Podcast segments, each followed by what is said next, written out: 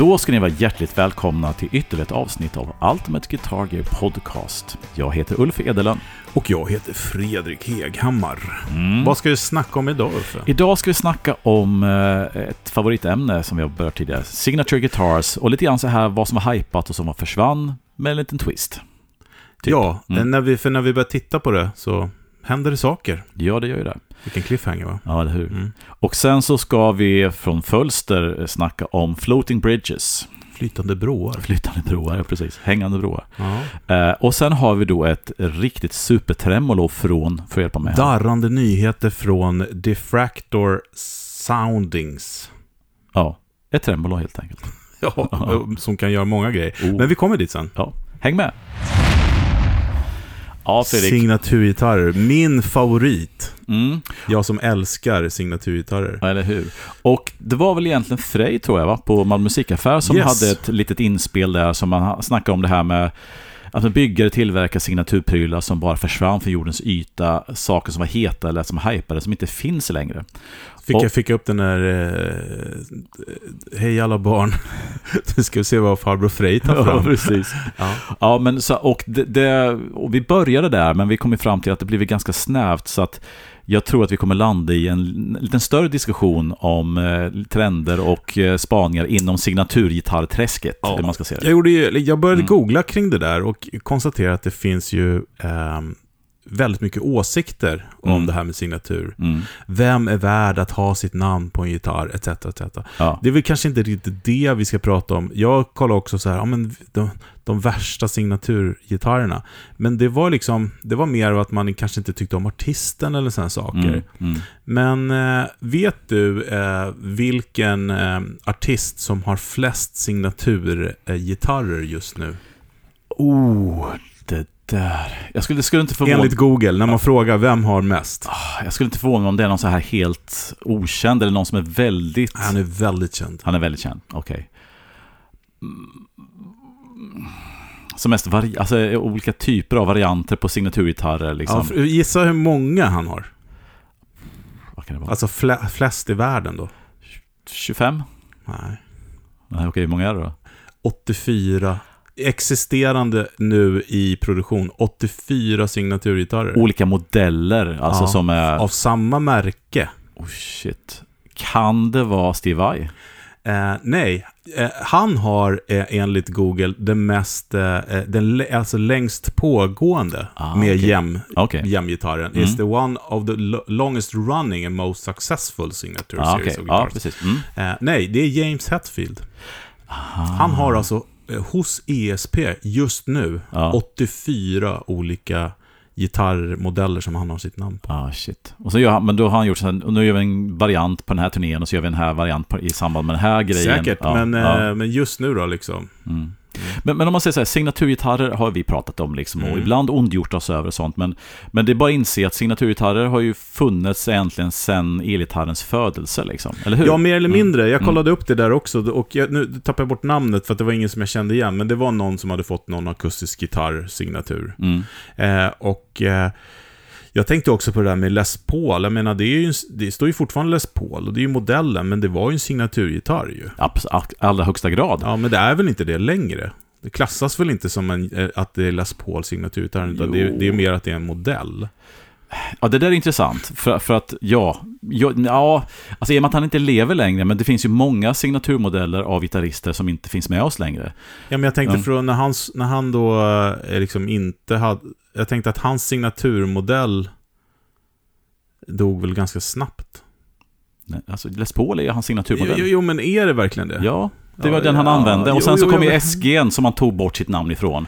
Och sen så, åter, så, så började liksom S- Les Paulen tillverkas igen. Mm. Och då var han ju med på tåget. Ja, jag, jag hör vad du säger och jag förstår ju vad du säger, men jag, jag tänker ändå att det inte är så. Nej, men vet du vad du gör? Du gör det här klassiska fel, fel, ursäkta, Mm. men feltänket som många gör. Ja. Därför att Les Paulen är en av de få dubbelsignaturgitarrerna. Ja, För det finns ju en det shitload med Les. Paul-signaturer. Exakt. Ja, och, så att Les Paul är ju, jag skulle i allra högsta grad säga att det är en signaturmodell fortfarande, för det bär ju en gitarrists namn. Ja, precis. Som har varit med och designat den. en dubbelsignatur, det är fan inte okej alltså. Nej, alltså, men, du har, men du har ju alla som har Jo. haft en Les Paul-signatur, fast egentligen är det Les Paul ursprungligen som Precis, för den där listan också på flest, flest eh, som har flest då signaturgitarrer, Slash kommer ju ganska långt upp på, har den. Ja, på precis. Gibson till exempel. Och han åker egentligen bara på med på Les Pauls liksom, Mm. våg där. Mm. Nej men alltså, jag, jag hör vad du säger och du har Mm. 100% rätt. Men Mm. jag tänker mer att Les Paul nu för tiden är mer en shape, en modell, än en signatur. Ja, och, och, och, och då kan vi, det här är intressant faktiskt, för att, då, för att egentligen är ju Les Paulen den ultimata signaturmodellen. Och om man kollar på... Den har ju gått mycket, mycket längre än Jem. Ja, men grejen är så här att Les Paulen är ju är ju förknipp, är ju Gibson. Gibson Les Paul är ju, liksom, är ju, hänger ihop på ett sätt som inte går att dela. Och, och ja, man säger så här, Gibson hade ju aldrig överlevt om det inte varit för Les Paul-modellen. Som i grund och botten är en signaturmodell. Liksom. Är Fender då en men Den, alltså en Stratocaster, har Leo, haft, Leo Fender. Nej, för det är tillverkaren. Ja. Precis som Gibson är tillverkaren. Mm. Håll, i, håll isär grejerna här nu grabben. nej, nej, men alltså, alltså Les Ja. Paulen är ju ascool därför att jag har ändå lite några fler varianter här, men just när, när en signaturmodell blir synonymt med ett märke och när märket kanske inte hade överlevt utan den signaturmodellen. Vilket jag faktiskt hävdar att Les Paul är. Men vad kallar vi då, och nu är vi ändå inne på det, för jag, hade, jag har skrivit lite Mm. punkter här eh, Mm. innan vi kommer in på vad som var poppis och vad som försvann och sådär. Mm. Eh, men då, det här som Gibson gör med till exempel då Greenie eller någonting sånt. Mm. Vad är det? Är det signaturgitarr eller är det tribute-gitarr? Eller vad är det? Vad kallar vi det? Och det är det som är intressant. Jag, jag vill påstå att alla Les Pauler är en Les Paul-signatur. Ja, men det har vi klargjort nu. Det, Utan då, då blir det det en tribute-gitarr för en gitarrist som har använt en annan gitarrists signaturmodell. men Rossington då? Gary Ja, Rossington all, alla de där, Joe Walsh, Men vad kallar de dem? Jag kommer inte ihåg vad de Ja, men det är kallar väl tribute-varianter, eller du vet, eh, men det, det, det, alla de här Collector's Choice. Collector's Choice kanske? Ja, och när man tagit en specifik gitarr och sen gör Ja. så likt som möjligt. Ja. Eh, men, men i grund och botten, alltså du skulle ju kunna göra samma sak med en gem. Mm, Tänk dig ta en liksom gem 777 mm. och sen så, som en annan gitarrist, så gör någonting annat med den. Det är konstigt för att Steve Vai fort, lever fortfarande. Och, och, det, och det görs ju hela tiden Ja. gissar jag. Alla de här eh, Korn-gitarrerna och sånt, det är jämmar ju. Ja. Men Sugar-gitarren är väl också jäm i botten? ja, eller åtminstone... Eller Mm. det kanske ute på djupt vatten. Ja. Och, och det här djupa vattnet, det, det, det kommer vi till också för att det som var så svårt med det här med när det kommer och går, Mm. eh, vad som har varit poppis, det märker man så här, ah, men den där, vet du, Kurt Cobain-gitarren, den, hör man, den ja. hör Ja. man ju inte någonting om längre. Nej, Nej, inte jag i alla fall. nej, nej. Eh, men när jag börjar göra research så är det i högsta grad att den är massa gitarrister som vill ha fortfarande. Så, att, Mm. så det där var svårt tycker jag. Men jag har en grej... För den finns inte kvar längre va? Som, som reissue tror jag. Eller som... Nej, det kanske den inte gör. Inte Jagstängen va? Men det finns någon Kurt Cobain... Ja, det finns någon ja, annan. Ja. Eh, men, men eh, när man googlar kring det här då, så Mm. kommer det upp några listor på så mest udda signaturgitarrerna. Mm. Alltså det vill säga, det, det handlar inte om gitarren som är udda, utan mera namnet som står på den. ja, jag tror jag, tror jag har hittat samma googling Och vilken är då eh, den, eh, den som är i topp här? Tror du? Ja, det beror på om du har fått samma lista som mig, men liksom, alltså, du menar osannolika och kanske konstiga signaturer. Ja. Ja. Eh, jag vet inte om jag har samma här, men alltså, den som jag, som jag tycker är klockren är till exempel Kiefer Sutherland. Ja, det, det är den som är oftast på nummer ett på Ja, de här listorna. alltså skådespelaren då. Ja. Och jag, jag har aldrig hört honom ta en ton och jag är inte helt säker på att jag vill det. Ja, men det har jag. Han är det, kanske Ja, skitduktig. ja, ja, absolut. Ja, det är ja. inte, vem var det som var ute och spelade med honom här? Någon, någon känd gitarrist. Eh, eh, var det Bukovac?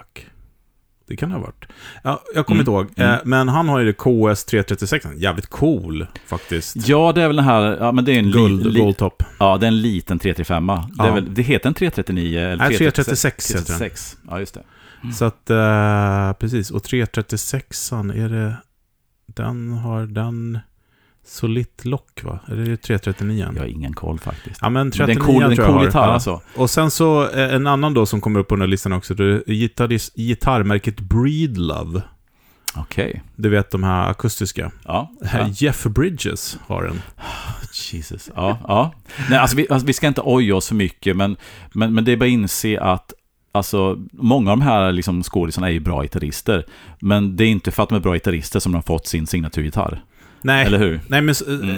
det kanske inte är. Det, nej, det, och det spelar ju ingen roll. Jag Nej. menar, det, det, jag skulle kunna räkna upp många som eh, många tycker är bästa gitarristerna som har signaturgitarrer som inte är så himla bra, men det de gör i sina band är bra. Jo, men, alltså, men du har ändå en koppling till musiken och du har spelat musik på en liknande instrument eller någonting sånt. Alltså, du, du, har du har ett värv i musiken. Ja, men då kommer vi tillbaka Mm. till det där igen. Ja. Att eh, i de vattnen som du och jag simmar, Mm, det är liksom samma hav på något sätt. mm, mm, Eh, eh, där har vi ganska bra koll mm. på signatur, vem spelar vad och hit och dit. Men det Mm. finns ju så många andra hav och sjöar. Ja, och, och, och, och alltså när vi kanske liksom blir lite snobbiga här och liksom så här. Jag, jag tycker jag har stor respekt för, för eh, nischer och sånt, eller områden i musiken som jag inte förstår. Så att jag brukar försöka att inte se ner på gitarrister som jag inte förstår eller som jag tycker är dåliga utifrån mitt perspektiv. Eh, Så där försöker jag hålla ganska högt i tak. Jag har lite svårare när skådisar får signaturgitarrer. även om de är duktiga, för att då är det en annan twist på det hela. Då, alltså, alltså hela signaturgrejen är ju marknadsföring-pryl. Den, Bra-. Bradley Coopers eh, 335, Ja, ja, den skulle alltså- jag gärna tacka ja till. ja, men precis. Men man förstår vad jag menar, liksom att det finns ju liksom... Ja, men jag fattar såklart. Och, och men använder man en riktig gitarrist, oavsett om man tycker om dem eller inte, så är det okej tycker jag. Använder man en skådis, då är det bara marknadsföring. Ja, ja, ja, ja, ja. ja. Ska vi gå. Ja. gå in på lite sådana gitarrer som kom försvann då? Det är liksom eh, inte så svårt att tänka på, eh, på Fender. Mm. För det Fender, eh, och, men samtidigt så är det svårt. Jag tänker till exempel på Clapton-gitarrerna. De Mm. kom ju, men de är fortfarande eftertraktade. Ja, och de var med så länge. Och, och jag menar till exempel Pete Townsend körde ju jättelänge, om inte fortfarande Ja. gör det, på en Clapton-gura. Så att eh, den, ja. Men en som Mm. jag skrev upp i alla Mm, fall, mm. eh, eh, var ju den Robert Cray, eh, Just det. Stratan. Mm. Och nu, jag vet inte om den fortfarande finns att köpa, men jag tror inte det. Men den var rätt poppis när det kom den här gråa Mm, eh, mm. hit och dit. Ja. Eh, men den seglade upp och försvann lite grann. Ja. Fantastiskt duktig gitarrist. Eh, jävligt, han kör matchless stärkare också. Ja. Jävla coolt sound. Eh, så den hade, skrev jag upp här. Det är mycket möjligt att den finns kvar, bara att vi, det går under våran radar, det det, än en gång. Det är det jag ja. menar. Det Ja. är det jag menar. Ja. Men en som jag vet inte finns kvar längre. Mm. Det är Yamaha Pacifica med Michael Lee Firkins. Just det. Den vet jag inte finns kvar. Just det, och han, han, jag kommer ihåg, för det här är ju... Vad- fantastiska lejonman och stentvättade... Jo, men han, och jag, vill, jag vill göra en liten, tangent, jag vill, jag vill göra en liten parallell till den här snart, men, men det där är klockrent, för det är ju den här Guitar Player-eran, när vi läste, så var han med och satte lite grann liksom Yamahas, nej, ska inte säga, för att de hade ju en era tidigare med, med Santana. Ja, men det var han och Billy Sheehan för Ja. basarna då. Men som, som var de här lite nyare, alltså hela Pacifica Ja, jag gillar liksom. Michael Lee Firkins, han är ju fantastisk gitarrist. Ja, Eh, och om jag får då passa på, Mm. med, när jag är inne på hårsvall. vi har kommit ta vid här, förstår du. Ja, Mm. men det är ju Vandenberg Pivin. Ah, shit. Den kom ju och försvann. Ja, och, och mm, därför att av två skäl tycker jag. Alltså Vandenberg i all ära liksom. Mm. Men han är, inget, han är inte så här, han är inte ett household name om du förstår vad jag menar. Nej, men jag ville ha en sån gitarr Ja, ja, kan jag säga i precis. alla Och fall. och sen- starkt ha-begär. Och sen Pivi har ju alltid kämpat med, med Ja. att på något sätt branda sina gitarrer och få komma igenom bruset. Ja. Eh, och det var Nej, men jag tänkte, egent- tänkte också skriva upp faktiskt Van Halen eh, det. Men, ja, Men, eh, men eh, okej, nu kommer jag på en till bara därför. keep on coming. Eh. Vit, Vito Bratta, Just det. Hans Steinberg. Steinberg, ja precis. Det var väl ingen signatur egentligen, utan det var Nej, väl men deras... det blev ju nästan som hans Mm. signatur. Ja, nej, kanske, han kanske aldrig fick en signatur där. Nej, för det var, det var den här modellen, när de, när de gick från den här liksom, lilla kroppen så gjorde de en sån här liksom, en större kropp, Ja. fast fortfarande med grafithals eller någon genomgående. Mm. Och- men det var en modell som seglade upp som Absolut. fanns om man ville ha den och hade Mm. inte, jag hade inte råd att köpa någon sån i alla fall. Eh, och man tyckte den var så jävla cool. Ja. ja, men jag tyckte, och han var också en, duktig gitarrist. också alltså. fantastisk gitarrist som bara försvann liksom så. Mm. F- Får jag hoppa White på... Lion. Ja, jag, alltså... Kör du, förlåt. Ja. Jag kan, jag, det bara poppar upp Ja, här ja men absolut. Alltså man måste ju nämna Van Halen, om inte annat för att vi måste nämna Van Halen. Exakt. Helt enkelt. Uh, nej men Van Halen, alltså det här är ju också vårat 80-tal. Eh, Van Halen och Kramer, får man inte glömma. Framförallt den här Ja. Baretta eller Beretta-varianten. Mm. Som var då en Strata Superstrat med eh, hockeyklubba eller bananhuvud har jag för mig om. Inte Mm. det här vassa utan bananhuvud. Med en snedställd handbacker åt Floyd. Det var väl att det var bananhuvud först och sen vart det spetsigt när det vart liksom mera big production. Ja, sen tror jag att Gibson gav sig och... Ja, Hamer- men, Hamer men fick innan, inte innan Gibson också. Jag läste det Mm. faktiskt för att jag, jag satt och nästan köpte en, en striker här för att vi, vi har ju ett hårdrocksgig kommer. Just det, just det. Ehm, jävligt cool, så enmickad. Mm, mm. Eh, men jag har inte köpt den än. Eh, skitsamma. Eh, men då var det så att de hade ju olika modeller och då kollade jag upp på den och spetsiga huvudena. Det var ju liksom, de gjorde delarna i, eh, i Kina Mhm. eller Korea och skruvades ihop i USA. Det är möjligt, ja. Och sen Ja. några Striker-modellen, den gjordes, eh, skruvades också ihop i, Mm. i Korea. Även, även fast det står Made in US på den. Men var det inte, undrar om inte de här Barretta och Pacer fortfarande amerikansk? Ja, skitsamma. Ja, säkert. Ja, men de Mm. hade ju Mm. olika, men, men, Mm. men precis, de hade eh, ett brett sortiment. Ja. Men jag håller med dig, den, eh, den eh, absolut, Hans. Och när man snackar Van Halen och Kramer så har vi ju hela eh, Jackson Charvel-gänget. Jo, alltså, ja, oh, Warren. DeMartini, George Lynch, Rand Rhodes, alla shredders. Mm. Apropå Jamie Lee Firkins då. Mm. Eh, Jamie Lee Firkins, det är ju Jamie Lee Curtis.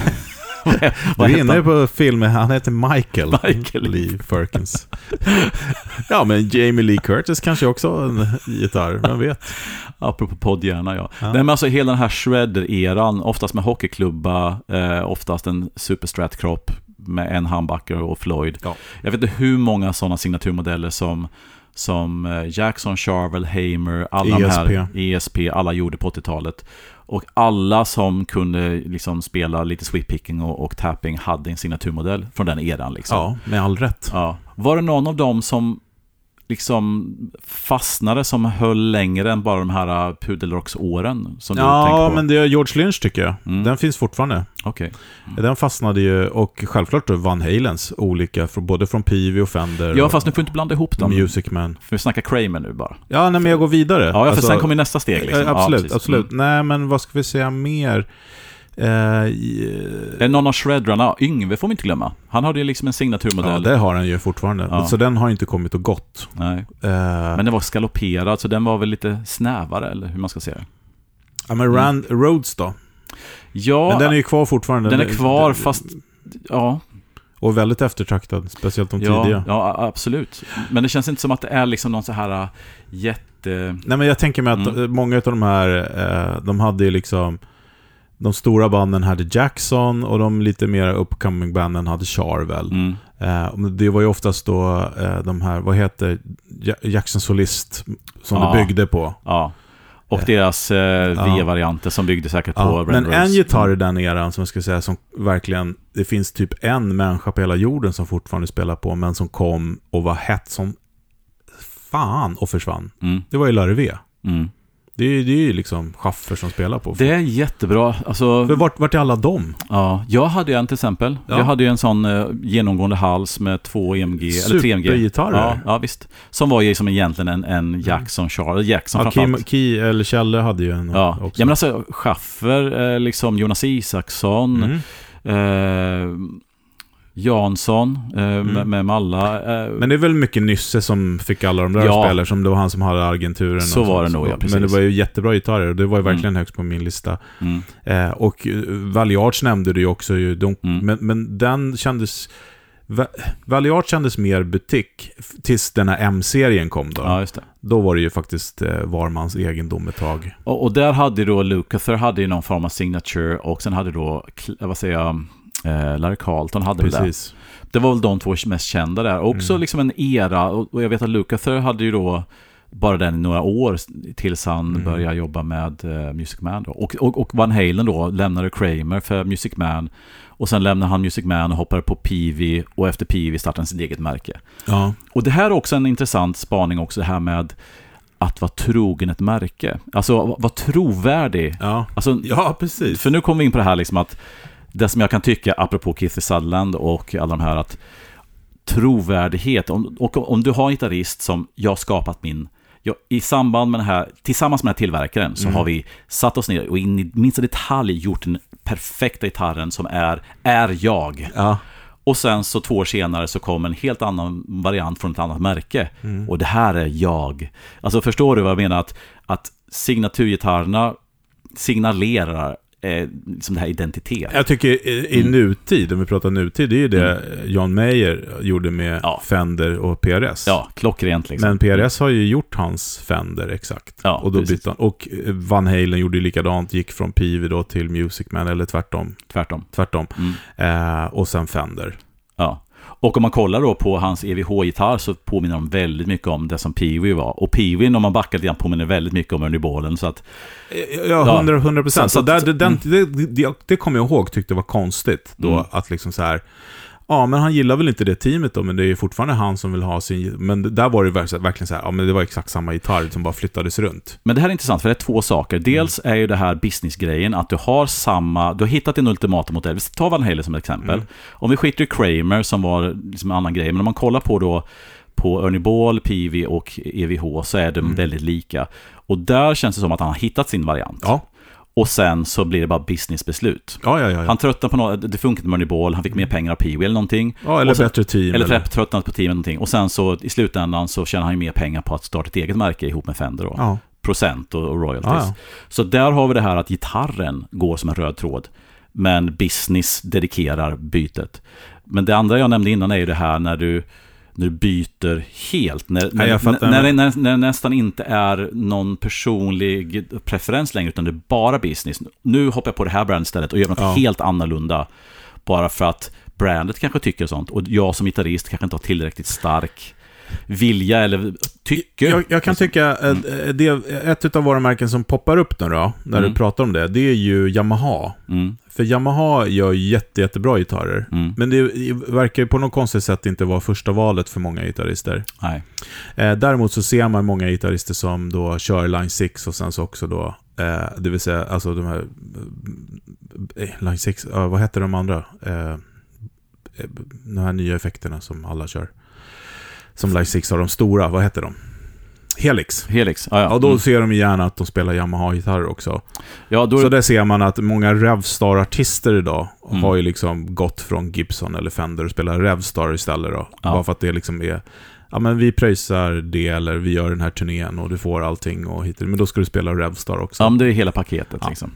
Nej, och, och, och och, det är inget fel med det, ni som gör det, grattis. ja, men alltså det, är- det är det som gör att hela den här signature-grejen blir så eh, det finns så många lager på det, så, många olika, ol- olika grejer som motiverar till att göra det här. Eh, och jag vill bara, det finns några märken då som jag tycker har lyckats, alltså Les Paul är ju uppenbarligen liksom ursprungs lyckade signaturgrejen. Det är så mycket lyckat så att, så att man inte, som du säger, liksom vet Ja. om det är en modell eller om det är en signaturmodell. Men så finns det lite andra märken. Jag tycker ändå vi var inne på det här med Steve Vai samarbete med Ibanez. Där tycker jag någonstans, där tycker jag är det ultimata samarbetet. För att hans gitarr som han skapar då, 87 eller vad det var, den här Jem-varianten, var ju så extremt mycket Steve Vai. Mm. Alltså hans personlighet, hur den såg ut och den här monkey gripen och allting sånt. Och hur man karvade ut för att kunna dra uppåt på, alltså Mm. alla de här grejerna som han vill ha med. Och han har ju varit med hela tiden och varit, alltså det är svårt att tänka sig Ibanez utan Steve Vai på något sätt. För att just den eran, alltså det han gjorde, Fast är inte, jag håller med dig, Mm. det är 100% allting du säger. Men är inte den grejen likadant som eh, Les Paul ändå? jo, alltså om, Han är ju moderna Les Paulen. Ja, för att, exakt. För att nu är, jag tror inte gitarrister som går och köper en Jem tänker på Steve Vai. Det är ju liksom våran generation. Ja. Det står ju inte en Steve Vai på Nej. dem. Och ger du 20-30 år till så att vi är där vi är nu med Les Paulen, Ja. Men jag tror kanske- vi redan är där alltså. ja, då förhoppningsvis Steve Vai finns kvar, men om man inte gör det, Ja. så tror jag att, att de Jem och hela den grejen blir en modell mer än signatur därför att den har blivit så integrerad i liksom DNA hos Ibanez. Precis som Les Paul Mm. är så integrerad i Gibsons DNA. Liksom. Så att signaturmodeller som egentligen skapades för en, som en kommersiell produkt, ett samarbete, blir en del av identiteten med tillverkare.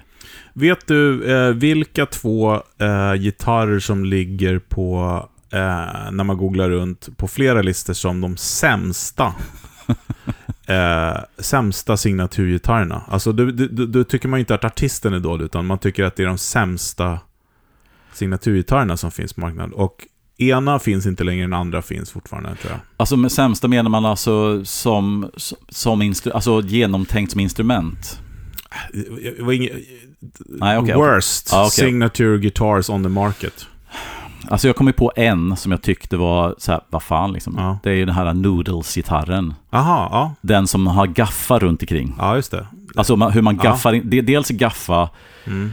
ett äckligt material för själva limmet och sånt och det bara kladdar ihop och dels så, blir, Ja. så, så dödar du hela gitarren. Den, är faktiskt med på listan. Ja. Eh, Jag tog bara topp två Ja, här, ja, men ja. den är med på listan. Ja. Men, eh, men på första plats så kommer då Gibson gjorde tydligen en Jimi Hendrix Stratocaster-modell. Nej, Jo, lägg av. är skitful. Alltså den ser ut lite grann som en Strata, men det är en Gibson. Och sen så kallar de den, och sen koppling till Hendrix. Ja. Var det hans familj som är ute Jag efter någon... vet inte. För jag de måste få Jag, tillstånd. jag har aldrig sett den, men, men, men, men Ja. en mera då känd och som ligger på nummer två, och ibland nummer ett också, är då Gibsons The Bob Marley Signature. Ah, just den här. Special, Trä- special, va? special, ja. Ja. Det är ju ingen, ingen dåligt. Nej, men, nej, men, men på något sätt så har, han, sitter den där på listorna. Vad konstigt, för jag menar, om man kollar på, om man ser bilder på hans ri- riktiga då, så, ser, alltså, så är ju det, och sen kollar man på signatur, så det är de ju, alltså det är, det är väldigt lika, och jag menar, Bob Marley kanske inte spelar jättemycket gitarr, men han gjorde lite grann, och jag menar, ja, den Mm. förstår jag inte riktigt faktiskt. Nej, precis. Jävligt konstigt. Den, den har ju mer cred tycker jag, den här Noodles-gitarren om man ska vara helt ärlig. Och varför inte den här Tom DeLong 33, alltså, ja, ja, men, ja. Men, men den tror jag fortfarande är lite... Den, den eh, Seafoam Bloom med den här eh, DiMarzio Invader-micken va? jag tror det, så är inte Racing Strip, Strips, Stripes också på den, några av, Ja, ja möjligt. ja, just det. Precis. Mm, mm. Men, men eh, sen måste jag nämna ett, just, jag tycker det är fascinerande här när gitarrister inte bara får liksom en modell och eh, märket får lite marknadsföring, utan Mm. när gitarrister bidrar med att bygga brandet liksom med mer än bara marknadsföring. Eh, som sagt, Les Paul, Steve Vai, två lysande exempel. Sen måste jag nämna ett tredje och det är ju inte, alltså, Vad är det då? det är Gretsch. Och, Ja, ja. och, och del, det, fin- det finns det två giganter. Dels då är det då naturligtvis eh, Chet Atkins Ja, just det. I, på, på den tiden. Men han blev osams med Gretsch och gick till Gibson på 70-talet. Ja, men precis. Ja, Ja, Men Brian Setzer. ja just det. Ja. Och jag har svårt att se moderna Gretsch som de är idag utan att se... Precis, nu har vi lämnat det där med att någonting som floppar. Ja, ja, ja, det har vi gjort för Det- länge sedan. för det här, ja, nu, nu är ja. det verkligen tvärtom. Ja, ja, precis. Någonting som blommar av. Jo, men exakt. Men jag, jag ville ta fram den biten Ja, ja, ja, också. ja liksom, absolut, så. absolut, Ja. absolut. Jag förstår. Eh, men du, eh, nu har vi snackat gitarrer också. Mm. En eh, lite pedaler och sånt där, signaturpedaler som eh, Mm. boom och försvann. Mm. Eh, ja, det första jag tänkte på var den här eh, Clapton Crossroads. Digitech.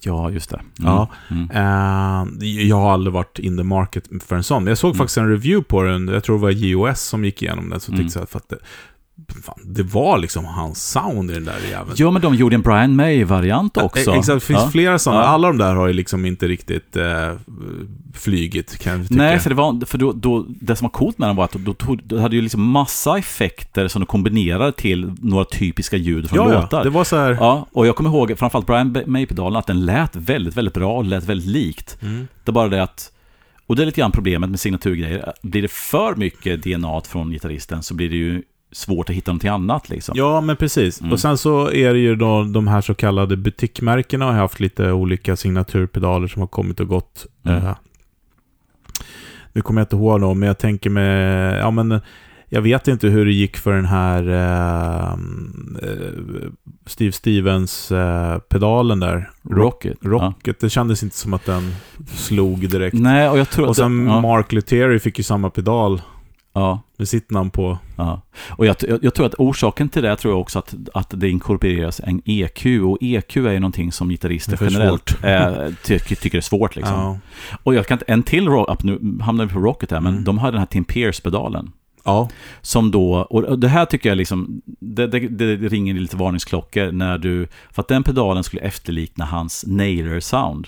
Han använde ju Nailer Just det. förstärkare under hela 90-talet jättemycket. Mm. Och sen så gjorde de en pedal som skulle då efterlikna, simulera. Det med glasögonen på. Ja, men precis. Ja. Hans nailerförstärkare. Och det är alltid när man gör en pedal som försöker efterlikna en förstärkare, Mm. så blir det alltid svårt. Mm. Liksom. Jag har inte testat den, ska jag villigt erkänna, men eh, jag, jag, är försiktigt misstänksam om man säger så. Och den har man inte sett så jättemycket av heller sista tiden egentligen. Nej, jag vet inte Rocket hur stora de är Nej. egentligen. Eh, J-Rocket heter de va? Ja, just det. Eh, men vi, vi har ju lite kontakt med de här eh, Smile heter de va? I, nere i Europa som har Walrus och sådana. De Mm. har J-Rocket. Vi får snacka med dem och kanske kan få över något att testa. Mm. Jag tycker liksom den här, äh, den som snackar Steve Stevens-pedalen med EQn, eh, blev jag lite intresserad av för att just att ha en, en ganska avancerad EQ ihop med en distpedal är faktiskt klockrent. Om man, om man har lite koll på hur man ställer en EQ och är försiktig med hur man jobbar med den. Sen är det ganska mycket eh, Hendrix-pedaler som har floppat känner man väl också. Är inte riktigt... Ja, Eh, jag tycker de, de här minipedalerna som finns nu från Mm. MXR, de är jävligt bra faktiskt. mm, mm. Men genom åren så har man ju sett saker komma och gå. Och det är väl MXR då, då som har gjort dem. Eh, För det är väl ingen annan som gör Hendrix-grejer. När det känns, ja Dunlop, ja precis. Mm. Ja.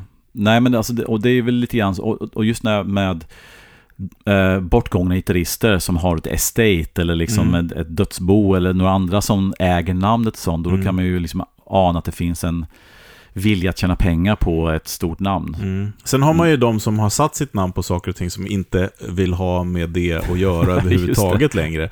Ja. Till exempel John Jörgensen som avskyr Matchless. Alltså, har jag lä- Ja. både hört han säga i podd och han liksom... Ja men när Mark Samson försvann så försvann Jor- John Jörgensen också. Är, det, är det en personlig grej eller Ja. är det en ljudgrej? Nej, personlig grej. Ah, Okej, Ja, han Okej. gillar inte managementet på Matchless säger han. okej. Eh, så det är sådana grejer också. Ja, ja. Och då måste det vara jättejobbigt att ha sitt namn på, på, eh, på någonting. Eh, Steve Ray Vaughan-stratan, Mm. hur, hur är det med den nu för tiden? Vet ej faktiskt.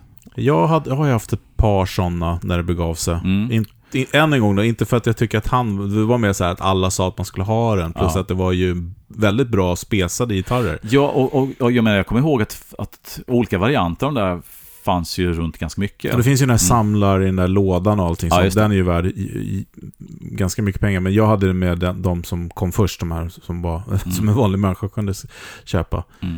Eh, Men för att återgå lite grann till John Jörgensen där, det är intressant liksom att Alltså det är en sak att om du gör något businessmässigt, och, och, eller, och liksom, men det jobbiga i det här läget kan ju vara så att man hittar den här tillverkaren av en gitarr eller förstärkare någonting som verkligen, verkligen förstått vad du vill göra. Och du får den perfekta produkten, vad det nu är för någonting. Och sen så, så är det någon som skiter sig, så att produkten är fortfarande klockren och allting sånt, bara att du inte kan jobba med dem Mm. av personliga skäl, Mm. liksom, att, det, att det inte klickar. mm. Det måste vara en mardröm att man, du har satt ett namn på någonting som du älskar men som du inte vill använda av andra skäl. Eller det finns ju massa sådana Ja, underströmningar. men absolut. Liksom. Och jag, jag kommer ihåg, eh, om man tar nutid då, så såg jag en intervju med... Eh, och också pratade med honom om det. Eh, när, vi, när jag var på Guitar Geeks-podden så gjorde vi ju en podd med eh, Joe Landret. Mm. Eh, och eh, han har ju sagt i flera videos på nätet och sånt att han inte vill ha sitt namn på någonting för att han, han är så ombytlig. Mm. Liksom. Mm. Han hjälper gärna sina vänner att komma ut med sina pedaler och äl älskar en pedal Mm. en vecka eller två. Ja, och så ja. sa det är bara att kolla vad som sitter på mitt bord. Det är Mm. det jag gillar just nu. Ja, Alltså så enkelt är det. ja. Och då var jag lite förvånad över att han gjorde eh, Two Rock. ja, precis. Och, och, och exakt. Men, men det... Och så få också. Ja, men det, det, det, hans inställning, det tycker jag är den sundaste egentligen. Mm. Därför att jag vet ju hur jag själv är. att Det är klart, har du ett jättebra samarbete med en tillverkare, men, men du, alltså när man gör det på den nivån så blir det kontrakt som skriver, som stipulerar vad du får göra och inte göra, och vad Mm. du får synas med och inte synas med, och framförallt om det är amerikanska då. Mm. Och jag tycker att, och sen så kanske det finns en cred-faktor och framförallt kanske en royalty, pengafaktor hela. Men eh, jag tycker också att hela den här spons och signaturgrejen är varför egentligen? Liksom? Mm. Om jag, om jag, om, som, det kan ju vara så här med, med Landreth-stärken att hade inte de gjort ett samarbete som en signatur så hade han kanske aldrig fått den gjord. Och då kanske han sitt- sätter sitt namn på det bara för att få den här ultimata förstärkaren. Och det kan man förstå. Men det är så här att den friheten som du får att inte ha skrivit på ett kontrakt Jo, jo, måste men- också vara värt Men någonting. samtidigt så, så, så är det väl, eh, jag menar, det var väl våran pojkdröm också att ha sitt namn på ett huvud på sin gitarr kanske. Ja, ja men precis. Eh, och jag tänker mig vi har ju pratat om förut, eh, vi, vi har ju nämnt Ed Van Halen så jag tar upp Josh Smith nu då igen. Eh, Förstås. Som ja. också har en signaturmodell. Ja. Ja, men precis. Ibanez. Mm. Som var faktiskt... In, alltså, när, det, när man fick reda på det så var det lite chockerande. Mm. Men sen så kom ju en våg utav gitarrister Mm. eh, som gick över till Ibanez. Mm. Det var ju inte bara han, utan det var ju faktiskt en våg av eh, ganska många som helt plötsligt så här.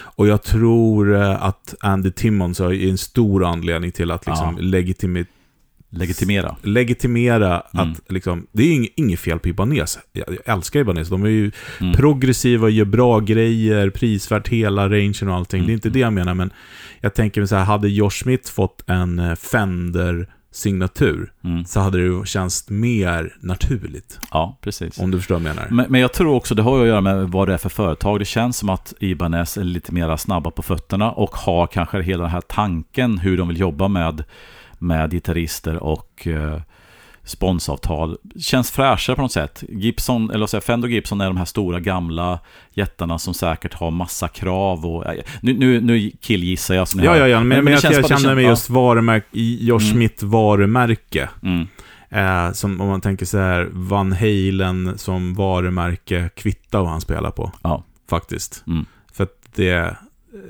han är beyond ja. Vad han spelar på. Ja, ja. ja det är liksom det är Hendrix-nivå eller hur man ska uttrycka Ja, det på. exakt. Eh, Mm. Så att eh, det är ju... eh, Nej, men det är spännande. Men starkarmässigt så här så tycker inte jag att man har sett så många signaturförstärkare som har kommit och gått. Det skulle i sådana fall vara att de är väldigt limiterade, som till exempel då Joe Landret. Mm. Jimi Hendrix eh, Reissuem på Marshall. Ja. Sådana. Eh, St- Steve Stevens eh, eh, Starken vet jag inte var den tog vägen. Vad var det för någonting? Alltså tänk på Ja, Friedman. Friedman. Ja, ja men den kom som en ny version tror jag nyligen faktiskt. Gjorde den det? Ja, som en Mark det, II. det är också en sån här grej som man kanske inte är in the Ja. market för. Ja. Ehm, Och sen får du inte glömma Slash Marshall har ju Ja, ändå liksom... verkligen, den var ett skit- långt liv. Ja, det är ju det är ju en sån eh, Ja. jubileum. Ja, alltså det är ju det egentligen. Så Ja. att- Och jubileum-Marshallen, precis, är ju en av mina favoriter också i, genom tiderna. Mm. Men, eh, ja, men spännande. Men Ja. vi kan väl säga så, eh, fråga våra eh, lyssnare helt enkelt. Vilka då i första hand signatur, förstärkare, gitarrer, pedaler kom upp och var hett som fasiken en kort stund och sen försvann helt. Ja. Eh, hjälp oss göra en lista. Ja. Eh, och, och jag har en annan fråga. Eh, Mm. Liksom så här, om du tänker dig vår, våra tonår Mm. med alla, allt det vi ville ha då. Mm. Vart är de grejerna nu? Ja. Vart är de? Ja. Vad är alla 412 Ja. Vad är liksom alla Jackson-gitarrer? Vad är alla Charver-gitarrer? Det, det, Mm. liksom, vad är alla Larivé? ja. Det är nog, eh, de sitter nog hos ägare som, som älskar dem och Men inte det vill måste ju vara kopiösa mängder. Ja. Och man ser dem väldigt sällan på marknaden. Men det är det jag menar. Ja. Eh, alla, alla Fender Twin. Mm. Vart är de? Mm. Ja, Vilket mysterium. Det är ett Ja. svart hål här i Oh. musik-Sverige. precis. Ja. Apropå svarta hål, höll jag på att säga. Nej då. Helsingborg. Nej då. Ramlösa, Ramlösa. Ja, precis. Ja, Vi tar oss till Fölster då. det gör vi. Jupp.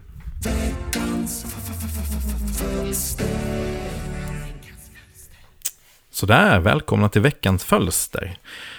Den här veckan har jag funderat lite kring flytande stall. Och då menar jag inte strata eh, svajstall eller Floyd, som man ibland säger att de kan flyta, utan flytande stall som man brukar se på till exempel archtops. Det vill säga ett stall som är monterat på en bas, ofta av trä, ibland av metall, som vilar löst på gitarrens topp och endast hålls på plats av strängarnas tryck. Basen är då formad efter gitarrens topp och ju mer perfekt de här liksom matchar varandra och ju mer liksom perfekt de ligger emot varandra, ju bättre överförs vibrationerna från strängarna ner i kroppen. Det är en elegant och klassisk lösning, men den är inte helt praktisk alltid. För stallet och basen sitter alltså inte fast i gitarren och råkar man slå till stallet så kan det flytta på sig. Har man ett hårt anslag kan stallet flytta på sig.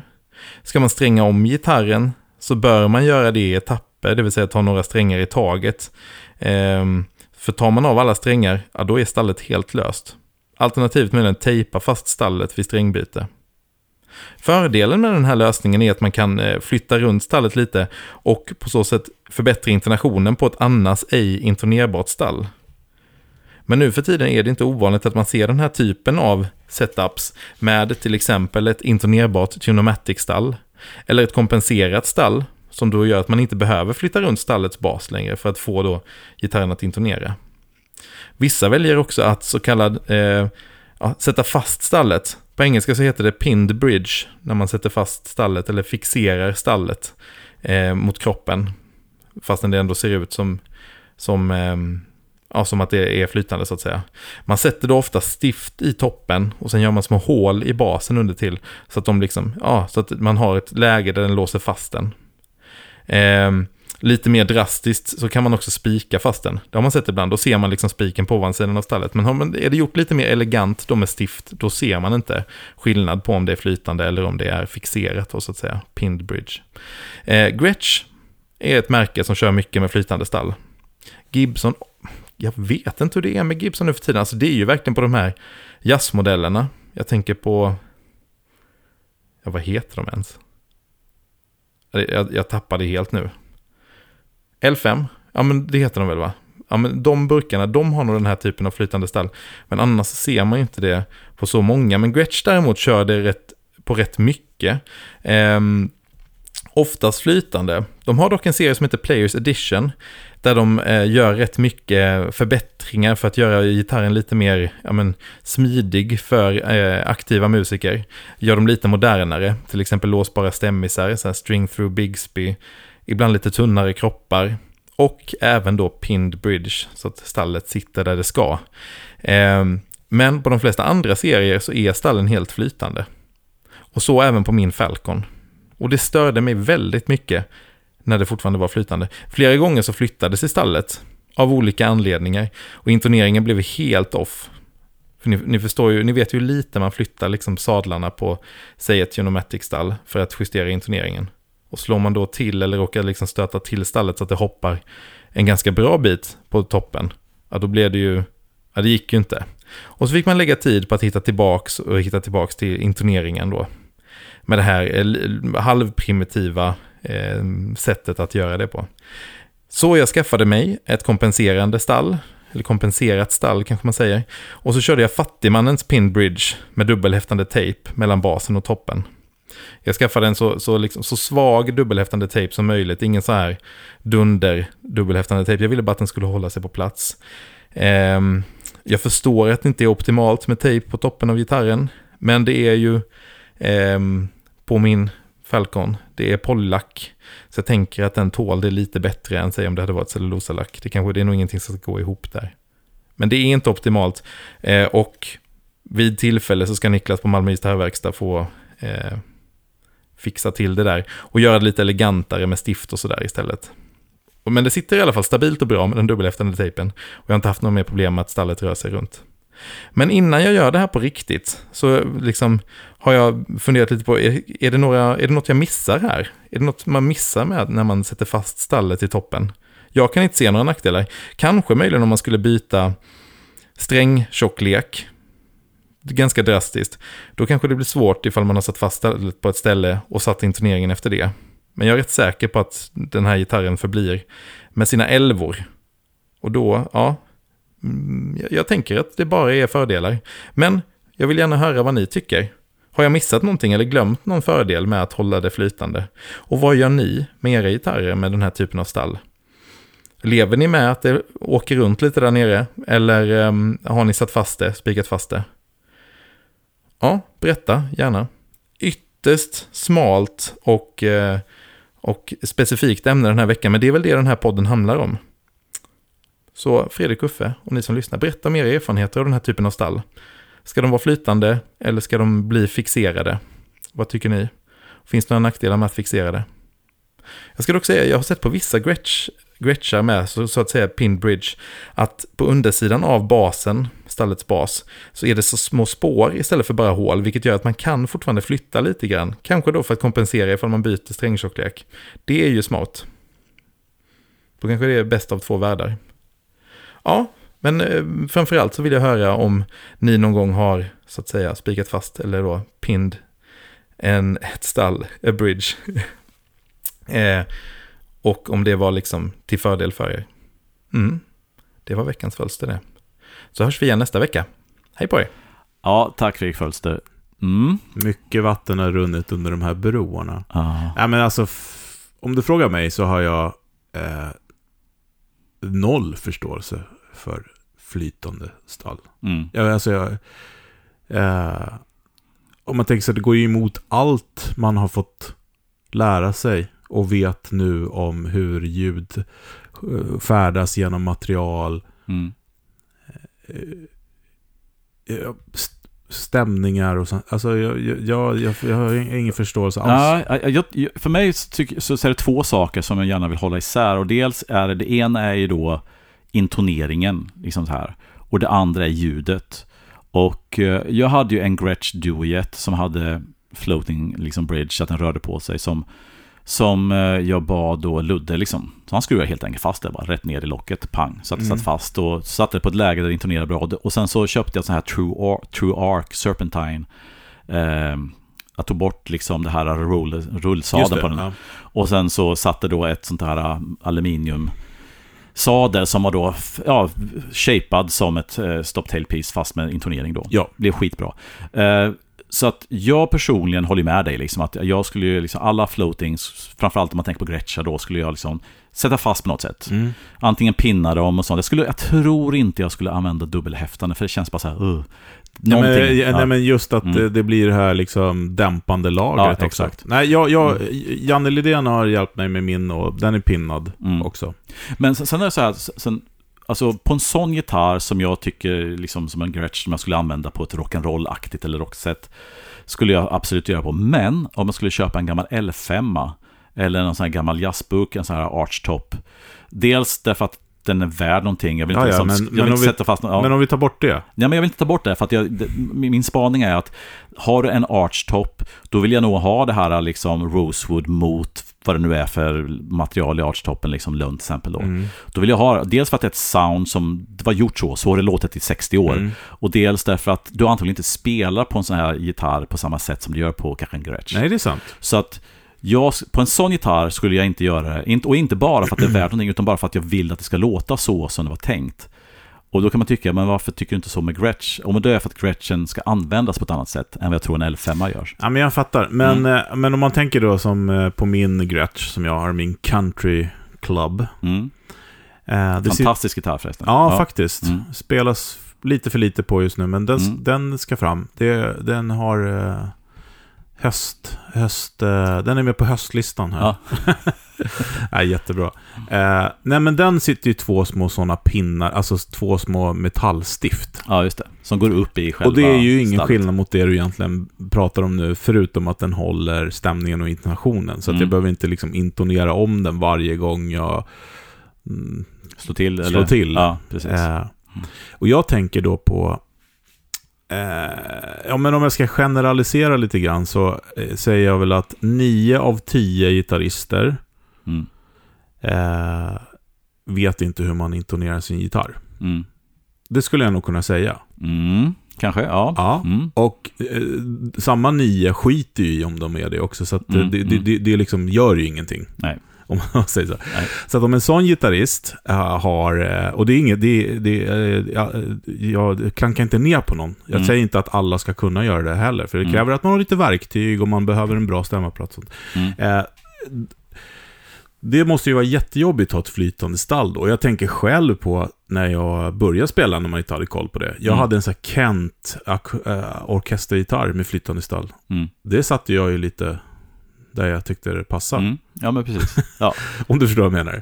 Ja. Eh, det, åkte, ju- det drogs ju fram och tillbaks. Liksom. Mm. Så att jag ser ingen, förutom att man då någon gång kanske vill kunna byta det lättare eller man vill inte göra åverkan på gitarren eller någonting, så ser jag ingen som helst funktion i det. Och det kanske är så att det finns en funktion, men jag känner inte till det. Nej. Nej, men alltså, det jag är inne på att jag inte skulle göra det är nog kanske ett vintageinstrument, men framför allt då en, ett instrument som används på ett sätt som det inte den Men vad grejen- är funktionen? Nej men alltså, av samma skäl så du inte vill mecka med ett gammalt fint instrument, att ändra någonting för du vet inte vad som händer med, jag, med ljudet. Jag, jag köper det, men jag Mm. undrar fortfarande... Eh, om man tänker sig det instrumentet, eller 100% av instrumenten som de här flytande stallen sitter på, Mm. eh, är ju limmade. Alla andra delar på den är limmade. Mm. Men den här har man väl valt att inte limma. Är det för att man... Hur är det på fioler, de flytande? Oh, jag undrar om det inte är det faktiskt. Ja, jag vet inte. Att, Ja. att det kan vara någon sån grej. Ja. Att man liksom... Förstår du vad jag menar? Ja, jag men- det var mer det jag var ute Ja, efter. jag tror att det kan vara så att du kanske ville kunna sätta intoneringen. Alltså i och med att du inte hade något, det var säkert inte kompenserat heller. Utan, Ja, det är sant. så att, du ja, ville jobba med såklart. intoneringen liksom. Så- och själv lyssna dig till vad det låter bra. Liksom, Ja, så. och man hade ju inte stämapparat heller, så att det var så här pianot, typ. Eller den, den, den som är svårast att stämma är den man stämmer efter. Så det kan nog Det vara, kan det ha varit. Att det var så liksom, själva miljön man befann sig i så behövde de den möjligheten. Liksom. Mm. Eh, Det är sant. Mm, Och jag tänker mm, mig också att många av de gamla instrumenten eh, hade ganska hög action och sånt. Och då är det ju ännu mer betydande var den sitter. Jag menar, Mm. eh, låg action-gitarr, intoneringen är jätteviktig såklart, men, Mm. men ja, du fattar vad jag menar. Ja, jag Ja, det är såklart. Att Mm. det, det är ju en, en teori som eh, jag stödjer. ja. Nej, men alltså, så, på det stora hela så, så har, skulle jag nog inte använda instrument eh, som inte är pinnade faktiskt. Nej, och jag rekommenderar stift då istället för Mm. både tejp och lim. Och sen får man inte glömma, alltså, apropå det vi snackade om innan, det här med äh, signaturgitarrer och sånt. Jag menar hela grejen att Gretsch tog fart med sin 6120 och sånt var ju för att Brian Setzer gjorde de här grejerna på sin signaturmodell som alla ville ha gjort på en gammal vintagegitarr. Ja, precis. Och sen så var det det här med kvalitet och sånt förstås. Men, men eh, bara som en liten eh, återkoppling till det. Mm. För det är en av de grejerna som, som jag tycker är fantastiskt med gitarren. Att dels är tunematic och att det är pinnat. Och nollbandet är borttaget. Alltså allt det här som Mm. man oftast gjorde med instrument för att få Mm. det mer spelbara. Liksom. Men nollband, det är spännande också. Ja, alltså jag har haft instrument med nollband som jag tyckte var skitbra. Men ja, det är inte helt klockrent kanske. Eller är Coolt. det det? Ja, kanske det. Eller så är det det. Jag tror inte jag har någon gitarr med nollband heller. Nej, Min inte Gretsch har inte det. Nej. Nej. Eller? Nej. Ja, jag vet inte. Faktiskt. Jag tror inte ihåg. Den, den står i sin låda så jag ser inte. Jag, jag, jag trodde, jag tänkte att min gamla Silvertone hade det, men det hade den inte. Du måste spela mer på din Gretsch så du vet hur den är konstruerad i alla fall. Ja, Mm. faktiskt. Det är nog den snabbaste gitarren jag har. Också den största gitarren jag har. Ja. Och kanske den snyggaste. Jag borde spela mer nu, just nu, ett par Ja. månader, eh, tills eh, semestermagen har lagt sig. Ja. Man lite, ser lite mer proportionell ut. Det är inga små gitarrer nu.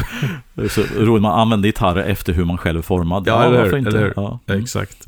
Ja, nej, men härligt. Eh, men jag tänker mig att vi, jag tror att vi har några gitarrbyggare som lyssnar på det här. Mm. Eh, och det vore ju väldigt kul att, att, att höra deras eh, syn på det. Ja, både det här med hur ljudmässigt men också det praktiska. Och historiska. Ja, historiska. Mm. Absolut. Coolt. Ska vi gå till kanske veckans pryl då? I vi wobblar vidare. Jo.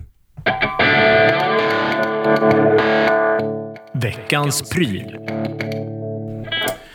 Okej, veckans pryl. Yeah. Eh, veckans pryl kommer från ett, eh, en tillverkare som heter Diffractor Soundings. Oh. Och eh, det är en tremolopedal som heter Arboretum. Arboretum. Arboretum. Arboretum. Ja, jag tänker på abborre. Ja. Ja. Jag vet inte varför. eh, men det är, Ja. lite, det, är en, det, Mm. det är lite speciellt. Det är en analog Mm. eh, tremolopedal. Som har liksom två sidor. Den har en sida eh, som är mera traditionell kan man säga. Mm.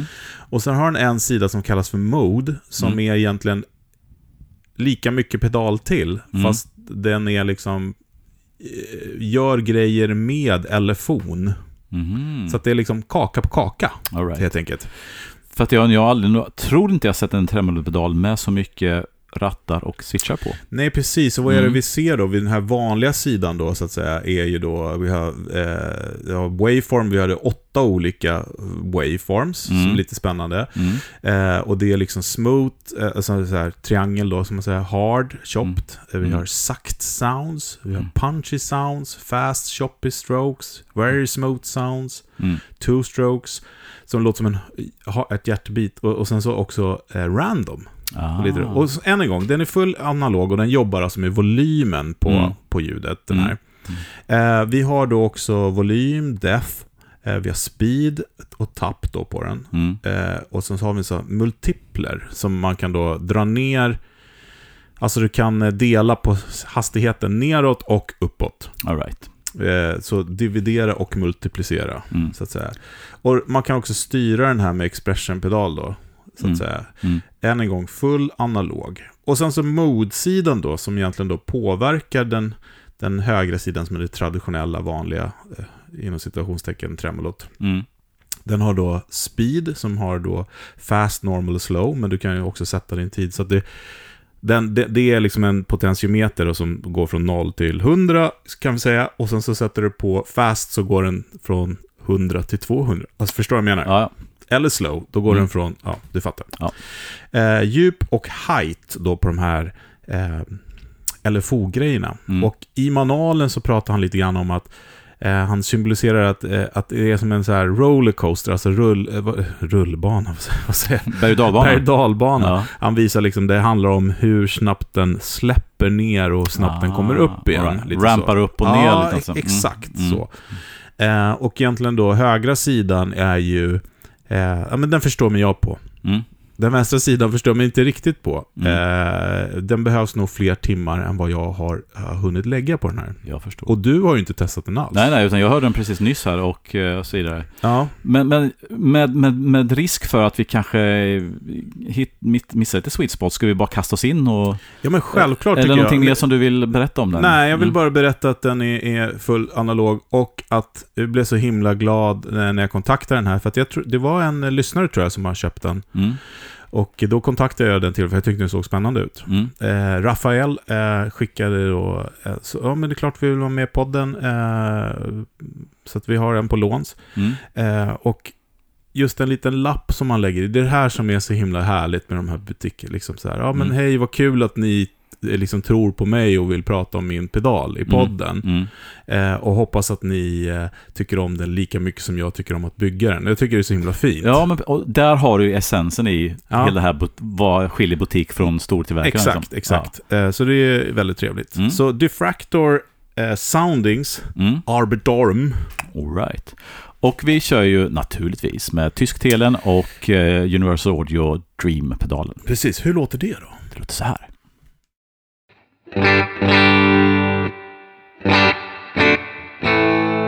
Precis.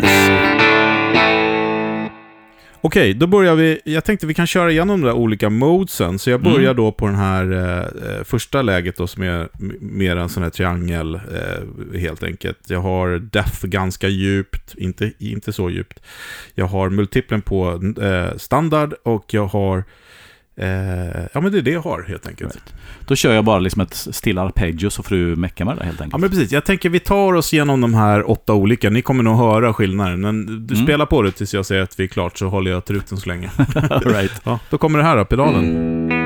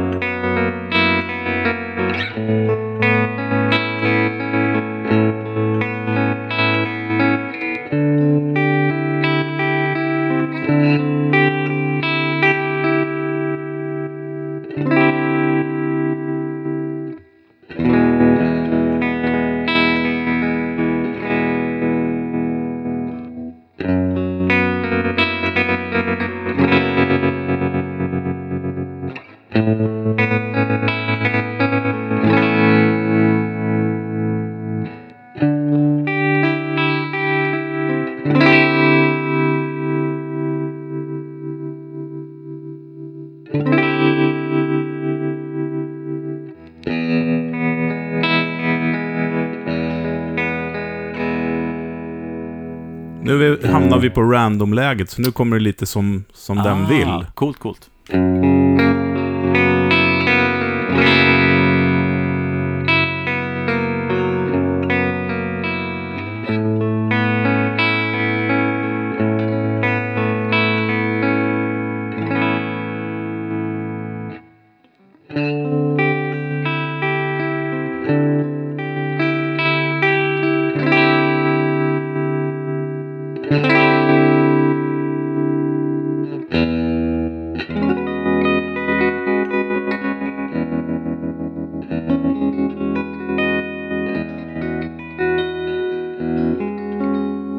Låt du fastnade för utav de du hörde?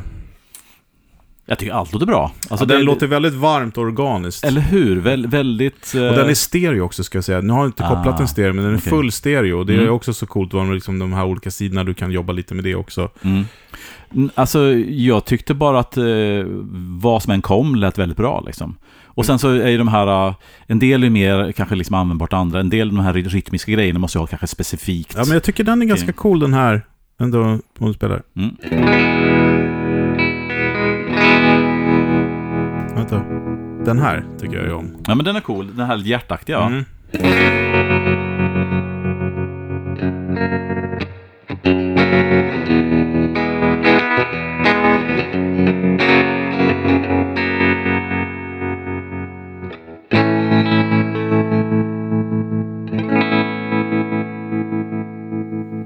Man tänker sig en låt om man liksom kör lite kom... da, na, na, na, na, Och så bara... Ja, man, man, Men jag, jag får ju låtidéer. liksom. ja, jag synkar den till ett tempo, Absolut. Eh, men den här standard är ju jäkligt trevlig. Alltså den här. Mm. Jag kan köra full depth för här en gång då. Ja. Bara nu, först Ja. nu som vi hade innan då.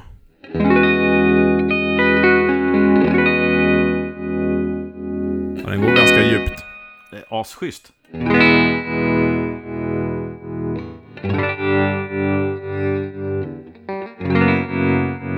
Ta, ta den där lite långsamma igen. Jag tyckte att den var, så, den var ascool tycker jag.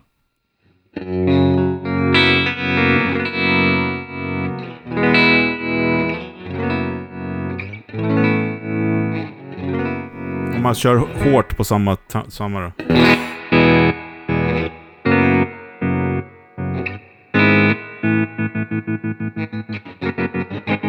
Så nu, nu kan vi demonstrera det här, för nu är det ju liksom max speed då på Mm. normalläget där. Mm, Och så mm. kan vi köra, den- om jag tar multiplen där, om man säger Mm. så, kör jag, eh, drar jag ner till det långsammaste och sen Mm. drar jag upp till det snabbaste. Så nu är det liksom Unity, eller vad ska man säga, Unity-hastighet. Right. Ja.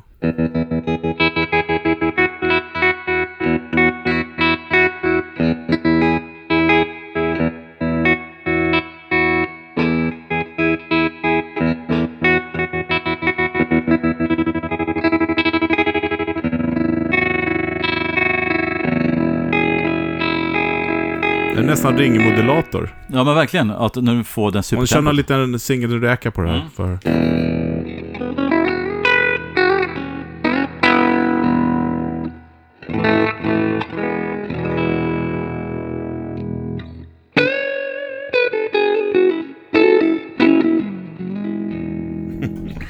ja.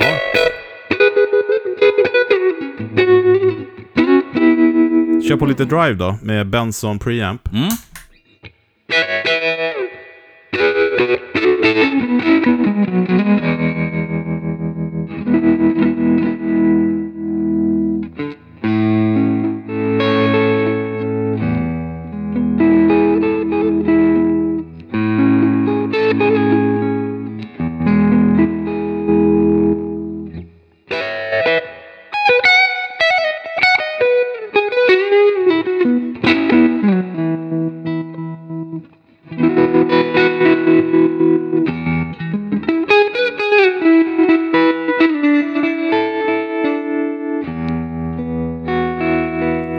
Testa att ge oss på den andra sidan då också? Mm. Jag stänger av driven så länge, så slår jag på mode-funktionen här. Eh, och nu är det då... Jag använder samma waveform då på båda sidorna nu. Det, eh, det är alltså den här triangelgrejen då så att Mm. säga. Eh, jag har ju... Ja, ni får höra själva. Yes. Eh, så nu är det vanligt. Nu sätter jag på den.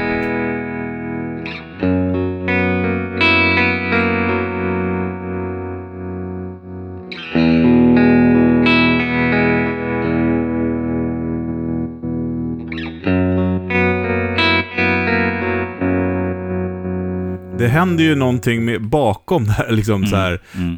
det, det, jag känner ju liksom med ett stort revör på det här, någon så här liten, lite black hole-stilen. Ja, precis. Eh, jag vet inte man kan dra upp reverbet på Dreamerna lite grann.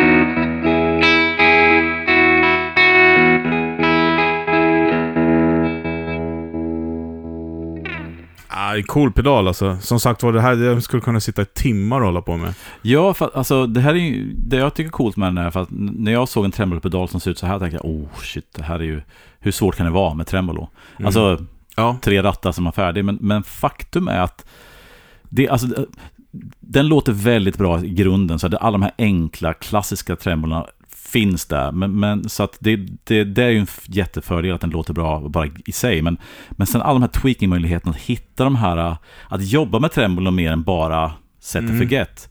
För det är ju ett lite nytt sätt att tänka tremolo tycker jag. Ja men det är det absolut. Eh, Jag har ju där eh, Gravitas på alltså Chase Bliss. Just det. Det Också lite åt det här hållet. Mm, men, mm. men då, det här är ju liksom lite mer what you see is what you get. Som du Ja, gillar. Det vill ja. säga, allting är här medan den har lite grejer i sig med de här mikroswitcharna och sånt. Ja, dubbelfunktioner på ratter och Eh, sånt. ja, jag, Ja. jag, jag, jag tycker den Mm. låter väldigt, väldigt bra den här pedalen. Den är ganska stor. Mm. Den är väl en 20 gånger 15. Ja, den är lite till och med större än en timeline. Ja, ungefär som en Ja. timeline skulle Mm. jag säga. Mm. Eh, det, eller det är väl ganska exakt eftersom den har också tre där. Den har ju tapp också som sagt var. Mm, ja, det kan det vara. Jag får för mig att den är lite större, men det kanske bara är Nej, jag tycker den är super, super cool. Ja. Eh, så att kolla in den. Diffractor Soundings då. Arbetum. Ar, ar, arbor, Arbetum. Arboretum, va? Arb... Eller Ja, Arbitum. Arbitum. Arboretum. Helt enkelt. De har en produkt, så det är inte Ja. så svårt. Diffractor Soundings, vi kommer lägga upp en länk också. Ja. Eh, och han har ju också själv en väldigt bra mm, demo-sida. En ascool pedal. En, en positiv överraskning för min del, måste jag säga. Ja, men precis. Mm. Eh, det är ju... Eh, det är ju... Eh, ska se om vi kan lyckas behålla den här ett, ett tag till mässan kanske. Mm, Den är ju tidigare i år. just det. Eh, tidigt oktober. Ja, 7-8 va? Ja, jag tror det. Mm. Eh, vi, har, vi har inte snackat om vi ska vara där än. Nej, vi jag får- kommer nog vara där fast i egen annan kapacitet. Ja, precis. Exakt. Eventuellt. Eh, och då se. kanske jag är där i, i UGG-kapacitet. Vi får Ja. se. Och är vi där, Mm. då kommer vi ta med oss eh, lite av de här pedalerna vi har pratat om. Ja. Eh, så vi kan visa upp dem. Ja. Eh, helt enkelt. Och är man sugen på den här så kan man ju höra av er om ni vill låna och testa. Mm. Det är liksom tanken. Coolt. Eh, af Wiedersehen. Ja, tack för idag. Mm. Ha det fint. Ciao. Hej. Hej då.